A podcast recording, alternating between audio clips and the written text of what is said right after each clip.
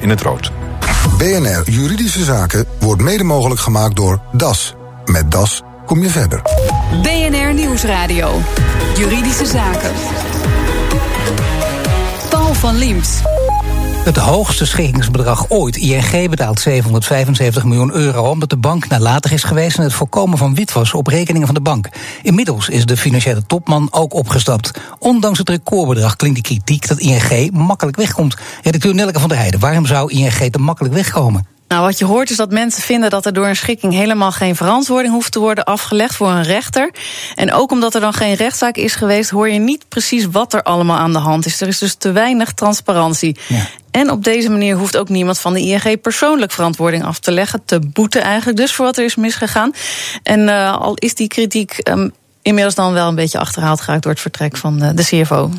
En als je het nou vanuit de schikkende partij, in dit geval ING, bekijkt, ja, dan valt er ook nog wel wat aan te merken op een schikking. De beklaagde krijgt namelijk nu ook geen eerlijk proces. Frits Bakker, de voorzitter van de Raad voor de Rechtspraak, die trouwens ook voor meer transparantie is, wat dan een rechtszaak weer kan bieden, die wijst op het recht van een verdachte op een eerlijk proces, op gehoord worden door een rechter. En dat loopt ING dus nu ook eigenlijk een beetje mis. Dank je, Nelleke.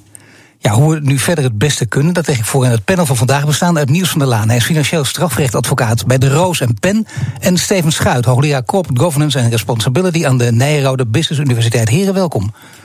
Ja, we horen het ook, hè, belangrijk wat de minister van Financiën bijvoorbeeld zegt. Die zegt, nou, dit is in ieder geval effectiever dan de gang naar de rechter. Niels van der Laan, heeft u daar gelijk of nog niet? Nou, het is in ieder geval sneller. Uh, en, ja, sneller het, is, wel, het is makkelijker en het scheelt een hele hoop gedoe. Maar effectiever ook. Um, nou, ik denk dat er twee elementen zijn. Ik denk dat op zichzelf genomen zo'n schikking voor uh, ING en, en de bank, bankwereld best een, een bepaald chilling effect heeft. Uh, chilling effect? Ja, dat men wel denkt, oké, okay, we moeten eens eventjes kijken hoe wij het eigenlijk uh, op orde hebben oh, en of dat ja. wel in, in, orde is. Ja. en je kunt je afvragen of, of een openbare zitting daar iets aan had veranderd. Het omgekeerde is wel zo dat het natuurlijk niet zo tra transparant is en dat we afhankelijk zijn van de feitenvaststellingen van het Openbaar Ministerie zoals we die hebben vastgelegd. En nou ja, ik moet, moet bekennen dat dat op zichzelf genomen niet natuurlijk per se de waarheid hoeft te zijn. van der Laan eh, de beslissing had mogen nemen, wat was het dan geworden? Gang naar de rechter of een schikking? Uh, ja, dat is een hele complexe situatie. Dat hangt helemaal van, uh, van je, van je cliënt af. Al ook, uh, ja, ik denk dat, het, dat het, ik denk dat het voor een bedrijf als ING gewoon bijna niet te verantwoorden is om daadwerkelijk naar een zitting te gaan. En die macht, daarvan weet het Openbaar Ministerie ook dat ING dat waarschijnlijk toch nooit zal doen. En dat geeft hun een machtspositie in onderhandelingen over schikkingen. Want als die partij als ING, voor de mensen die dat dan niet weten, als die dat, ING dat zou doen, wat zou dat dan betekenen? Wat is het allergrootste risico? Het allergrootste risico is dat je op een openbare zitting verantwoording aflegt. Dat daar vervolgens allemaal medewerkers worden gehoord. Dat uh, alles op straat komt te liggen over je bedrijfsvoering. Dat je maandenlang in de krant staat. Dat de hele wereld weet dat je je mogelijk schuldig hebt gemaakt aan witwassen. Dan kan je de tent wel sluiten, het licht uitdoen en, en, en hoef je niet meer langs te komen. Ja, dan zeggen heel veel mensen, ja, maar zo hoort het ook, want dat is transparantie, dan weten we wat er aan de hand is, maar dat is dus niet helemaal waar. Ja, kijk, wat je, wat je, ja, wat je hier ziet is dat er uh, natuurlijk een soort heksenjacht nu ontstaat. Hè. We hebben het allemaal over witwassen. En uh, de bank heeft witgewassen uh, de bank heeft, denkt men, uh, um, opzettelijk een misdrijf. En dan gaat het altijd in het rijtje van fraude, uh, malversaties, foute externe mededelingen en, en witwassen. Witwassen hoort in dat rijtje thuis. Maar de maar mensen vergeten, nee, de mensen vergeten dat witwassen natuurlijk heel wat anders is dan fraude. Bij witwassen gaat het eigenlijk om een, een overheidstaak die de bank is opgedrongen. De, de overheid moet zorgen dat er niet wit gewassen wordt. En uh, net als de douane moet zorgen dat er geen cocaïne door de Rotterdamse haven komt. Um, dat is een overheidstaak die bijna niet te vervullen is door de overheid. Nee, daarom moet de dus bank het ook doen. Maar de, maar de bank heeft daarmee ingestemd. Kon ook niet nou, anders. Maar op... niet nee, maar goed, niet ik geloof niet ergens een vrijwillige keuze geweest. Dat is niet ingestemd. Dat is nee, gewoon bij wet opgelegd. Ook bij wet, nou, goed, bij wet opgelegd. Maar ons soort dingen ook bij wet opgelegd. Daar moet je dus aan houden. Ja, daar moet je je wel aan houden. Maar dat betekent nog niet dat het iets is waar de bank um, een eigen voordeel mee uh, nastreeft. Hè. Dat is heel wat anders. De, de bank heeft uh, nagelaten uh, voldoende zorgvuldig uh, die controlesystemen uh, na te leven. Klinkt heel zacht, voldoende zorgvuldig nagelaten. Ja, want het is... Ze zijn gewaarschuwd door de Nederlandse bank, keer op keer herhaaldelijk. Honderden de financiële topman stapt op. Honderden miljoenen aan zwart geld zitten in het financieel verkeer. Hele grote bedragen. En die moeten noodzakelijk... Bij alle banken dus in Nederland ook? Ja. Kijk. Bij alle banken, bij alle banken in de wereld. Overal in de wereld is gigantisch veel crimineel geld. Alle binnen criminelen de stallen hun geld ergens. En niet alleen in bitcoins. Ook in Maar bedoelen jullie daarmee dat... Oh God, maar de overheid heeft dus gezegd... dit is een taak die wij niet meer op ons kunnen nemen. Wij, uh, net als bij de douane, die vergelijking kunnen we misschien wel maken. Ja. Dat moeten jullie doen, bij Ja. wet vastgelegd. Dus Ja. andere banken zijn zo meteen ook aan de beurt, of niet? Nou, iedereen, iedereen moet op op zijn tellen passen. En moet kei- uitkijken dat hij eh, die wet eh, eh, naleeft. Nee, maar even voor de duidelijkheid. Jullie zeggen, alle, jullie zeggen allebei, alle banken eh, zijn... eh, Want er gaat heel veel geld om, heel veel crimineel geld wordt Ja. witgewassen... door alle banken in Nederland. Ja, zijn wordt dus- witgewassen is gedeponeerd bij dat- banken. ja, maar wacht even. En de, die grote bedragen die bij banken zijn neergelegd, die worden er doorheen gesluist. En je moet toch die vergelijking met de Rotterdamse haven even nemen. Eh, ook in de Rotterdamse haven slagen we er niet goed in om die cocaïne tegen te houden. Dat weten we. En we leggen toch geen boete aan de douanedienst op, ja? Dus het is een overheidstaak die in dat geval bij de overheid is Dus gebleven. had Steven Schuit in dit geval geen boete opgelegd aan ING? Eh, jawel, ik had wel een boete opgelegd. En ik vind ook dat ING zijn controlesystemen beter moet eh, eh, eh, beheersen. Daar gaat het Maar om. Het- de, dat controlesystemen haperen, dat is de crux. Maar ik vind dat de politiek en ook de publieke opinie iets terughoudender mag zijn. Iets minder eh, ING aan de hoogste eh, boom hangen. Eh, ja, ze zijn tekortgeschoten. Ja, het moet beter. Maar is dit nou vergelijkbaar met een fraude? Nee. Dat is Maar het is wel witwassen. Ja, zij wassen niet wit. Zij Ja, is merken het dan? iets niet op. Ja, Ja, dat is een groot verschil. Dat is een groot nee, dat weet ik. Ik moet er even om lachen, maar dat is net zeker. dat even, heb je vaak met juristen. Even Nee, terug moeten naar de realiteit van waar gaat het nou eigenlijk Tuurlijk. om? En ik ben eh, eigenlijk eh, een beetje geschrokken van de enorme heftige reacties. Kijk, ik kan me echt wel Ja, voorstellen. maar van wie? Mag ik even heftige reacties van wie? Van ING zelf? Dat ze de topman laten opstappen? Nee, ik vind de heftige reacties van de media, heftige reacties. Nou, ik vind nog van een heftige reactie van ING zelf. Dat, dat je je topman. eh, want dan geef je toch mee aan dat er iets aan de hand is. Ja, maar dat is ook Ja, maar dat hebben ze overigens wel van uitdrukkelijk. En dat hebben ze natuurlijk uitdrukkelijk vandaag ook toegegeven. Dat ze dat doen op basis van de reactie eh, vanuit de maatschappij. Dat, dat, dat, dat toont ook wel een beetje aan dat er een groot verschil is tussen eh, de, de maatschappelijke verantwoordelijkheid. ten opzichte van de strafrecht- strafrechtelijke aansprakelijkheid. Tuurlijk, dat blijft een verschil. Maar dan wordt nog. Vastgesteld, in ieder geval volgens het Openbaar Ministerie, dat ze er niet achter komen dat er daadwerkelijk eh, individuen Nee, strafbare ik, ik, feiten ik hebben begrijp heel goed deze nuance, echt serieus. Alleen, het blijft natuurlijk wel staan dat hier iets aan de hand is. Dat het OM niet voor niets er een zaak voor gemaakt heeft. Dat niet voor niets de gevolgen ook Nee, groot zijn. maar we- bovendien, bovendien, wat ook blijft staan. eh, kom op, hé, de enorme schikking. En daar zijn ze mee akkoord gegaan. Dat doe je dus niet voor niks. Ja, maar dat is dus, zoals Niels terecht opmerkt, dat is afgedwongen. En in die schikkingsafspraak staat ook dat ING zich niet publiekelijk mag verdedigen. Dat is toch opmerkelijke afspraak? Dat het Openbaar Ministerie, de in dit geval verdachte bank, eh, op de arm op de rug draait en zegt: Denk eraan, je mag niet piepen. Dus ook door deze schikking is ook voor het OM heel fijn. Want die hoeven ook geen openheid van zaken te geven. Het is toch eigenlijk een rare zaak. Waar zitten, in wat voor land leven we nou? We zitten niet in Korea. We zitten in Nederland. Ja. Dus we mogen nog een klein beetje rechtsbescherming creëren. Ik denk ook niet dat we Dat is eh, raar. Uit, uit het oog Dat moeten, mo- moeten verliezen dat het hier eh, niet, niet gaat om. eh, er zijn hele duidelijke regels en daar heb je je niet aan eh, gehouden. Dus we leggen je een boete op. Het gaat hier om buitengewoon lastig te implementeren grijs gebied van wat is nou zorgvuldig? Hoe goed moet je nou kijken? Hoeveel mensen moet je nou op je compliance afdeling hebben om het wel goed te doen? Maar goed, hier eh, wordt Steven Nee, in wat, in wat voor land leven wij? We willen natuurlijk niet in een land leven waar, waar alle banken voortdurend geld aan het witwassen zijn. Nee, maar wat is, wat, wat is witwassen? Laten we, wel, la- laten we niet het onderscheid uit het oog verliezen dat het hier gaat om, om schuldwitwassen. En dan wordt natuurlijk juridisch, maar dat, dat is niet het opzet. De bank heeft niet het opzet op witwassen. Wat wordt er vastgesteld? Het Openbaar Ministerie zegt: jij bent je verplichtingen niet nagekomen volgens ons. Dat zijn verplichtingen op de controle. En omdat je niet goed hebt gecontroleerd, zien we dat als schuld aan witwassen. En dan bekt het lekker en dan heeft iedereen het over fraude. Maar dat is het Ja, natuurlijk maar dan in de zei ik al, kern is de crux het controlesysteem. Maar dat, dat is nogal een belangrijk als dat de crux is in het verhaal. Dan moet je toch zorgen dat die controlesystemen op orde Ja, maar het is onmogelijk om al het criminele geld 100% binnen een je bank niet. te halen. En dan Daarom is mag, ik ook, mag ik ook vragen, eh, wa- wa- want Steven Schuit die bleef nog even in het midden... maar die, die zei daarna, ja, bij alle banken gebeurt dit. Dat zeg je ook, bij alle banken. Ik kan mij niet voorstellen dat het bij andere banken tot in de puntjes goed geregeld is, eerlijk gezegd. Ik 100% denk- haal je niet. ja, het, Het is, en- een, het is een visnet. wat je probeert eh, te sluiten rond de grote vissen. En eh, daar slipt van alles doorheen. Maar mag ik van jullie dan een ander, iets anders weten? Vinden jullie beiden dan dat het OM te hard heeft gereageerd? Dat is, dat, is, dat, is een, dat is een gewetensvraag natuurlijk die buitengewoon moeilijk, vragen, ja, maar het is buitengewoon moeilijk te beantwoorden. Zeker voor een advocaat die natuurlijk niet de, niet, niet de kern tot de kern van de zaak weet wat de feiten nee, zijn. maar zeker, dit gezegd hebbende. Eh, maar kijk, eh, dit wat er nu gebeurt is, eh, is iets wat past binnen de strategie van het Openbaar Ministerie eh, in de afgelopen jaren, waarin ze het Amerikaanse model van, uh, van gigantische boetes hebben ontdekt uh, als, als toch wel een duidelijk businessmodel. En als een soort polstok hoogspringer leggen ze iedere schikking leggen ze de lat net een centimeter hoger om het record te kunnen bereiken. Om toch nog net even iets meer als een gorilla zichzelf op de borst te slaan. Ja, uh, is dat gerechtvaardigd? Uh, tegenwoordig kan je als officier denk ik niet meer naar het college gaan als er niet minstens acht nullen achter je bedrag staan. Dat is denk ik wat er gebeurt.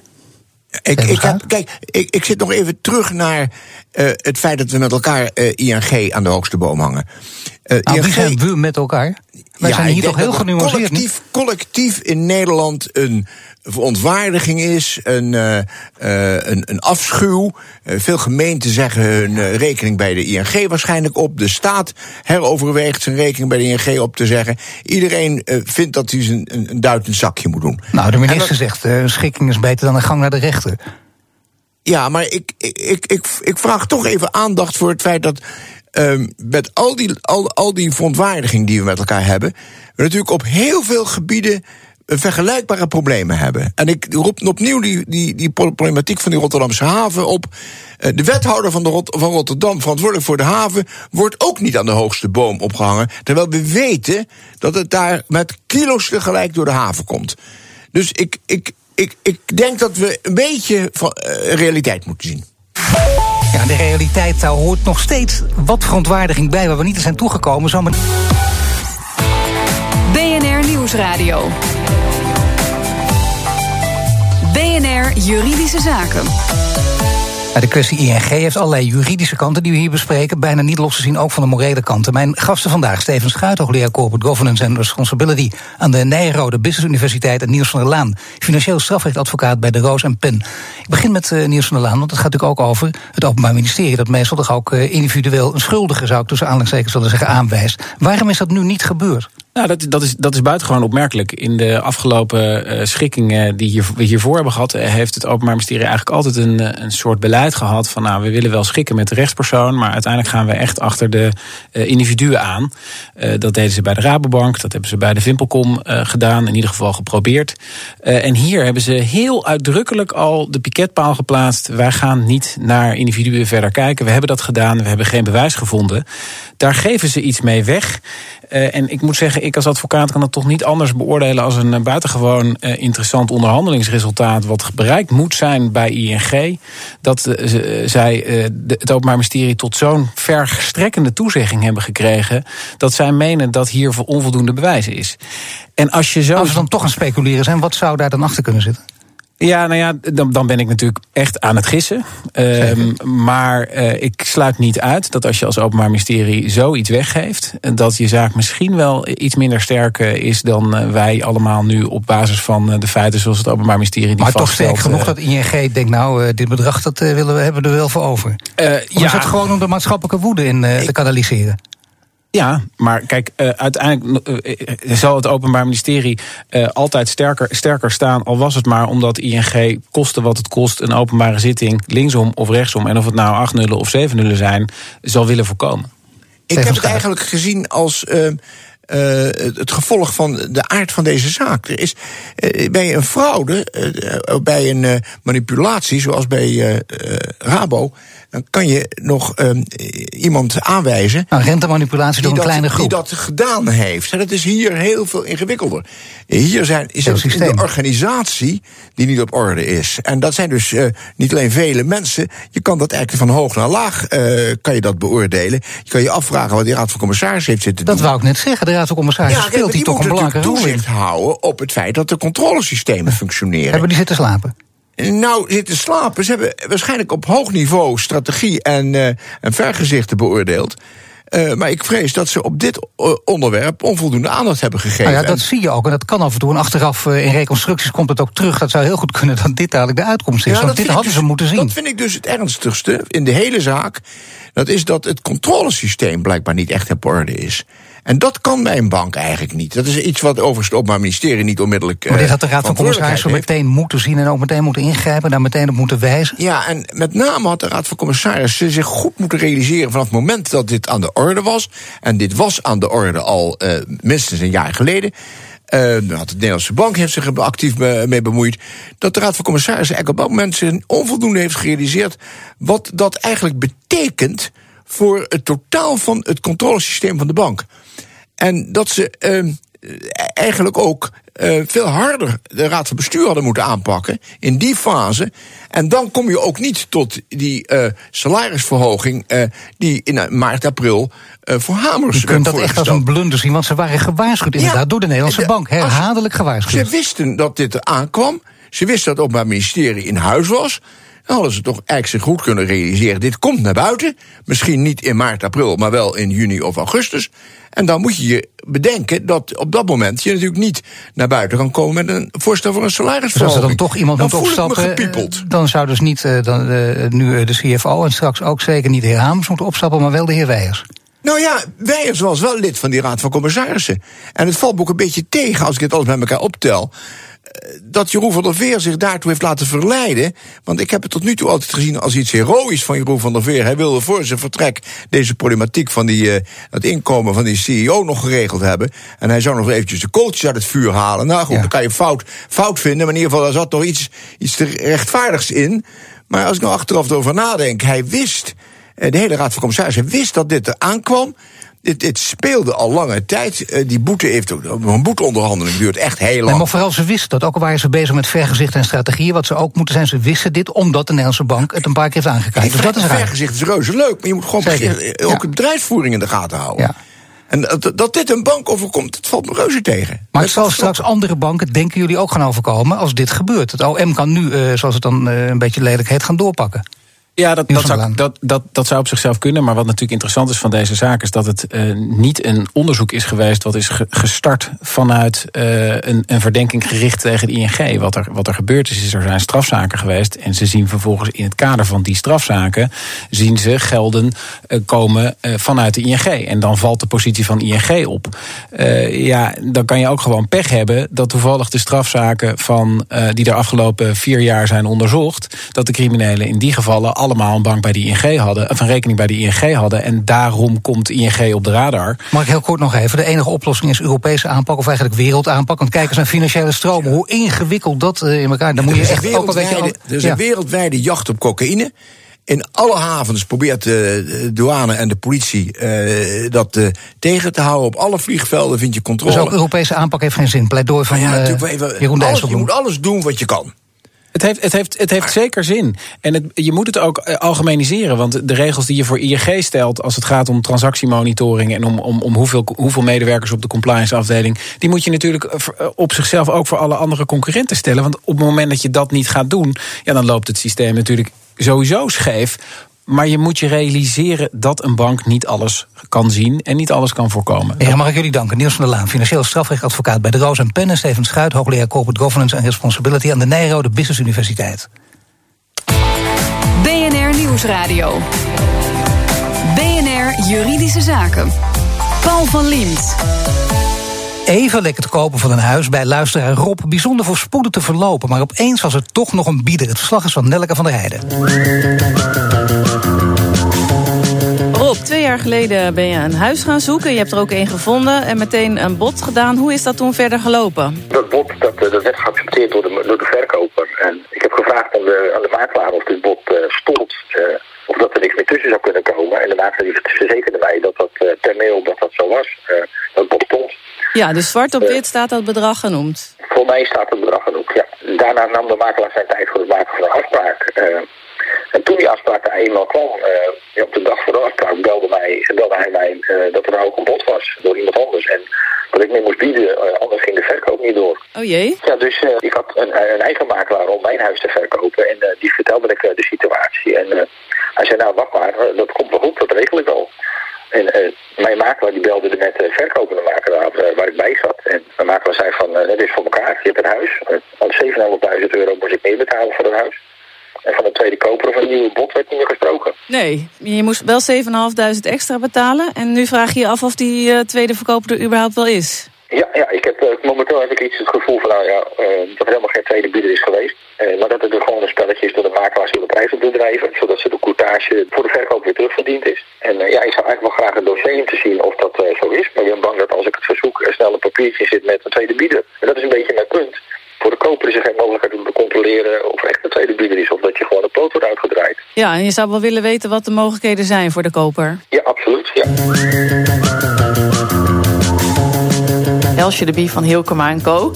Kan Rob nou nog iets met dat controleren van het proces? Kan hij inzage krijgen in het dossier? Nou, als het zijn eigen door hem ingeschakelde makelaar was geweest... dan had hij op grond van de wet uh, inzage kunnen krijgen in zijn dossier. Daar is de makelaar gewoon toe verplicht. Maar dit is de makelaar van de andere partij, hè, van de verkopende partij. Dus dan gaat die regel niet op. Uh, wel kan die op grond van algemene regels kan die inzage krijgen... als hij belang heeft bij inzage in bepaalde stukken. Maar dat wordt lastig, want dan moet hij voor naar de rechter? Ja, dat is in dit geval lastig, omdat hij dan via de rechter moet en bepaalde dingen moet aantonen. Het voelt op zich wel alsof hij erin geluisterd is. Kan hij daar toch iets mee? Eerst in het algemeen geldt dat er weinig spelregels zijn voor makelaars, hè, waar ze zich aan moeten houden bij onderhandelingen voor de verkoop van woningen. In de erecode voor makelaars staat dat als een makelaar met meerdere partijen onderhandelt, hij dat kenbaar moet maken aan betrokkenen. Nou, en een tweede regel, die hier meer van belang is, is dat een makelaar partijen niet tegen elkaar mag uitspelen. En dat betekent dat een makelaar als hij meerdere biedingen heeft ontvangen en het bod van de ene partij vervolgens gebruikt om de andere partij meer te laten betalen.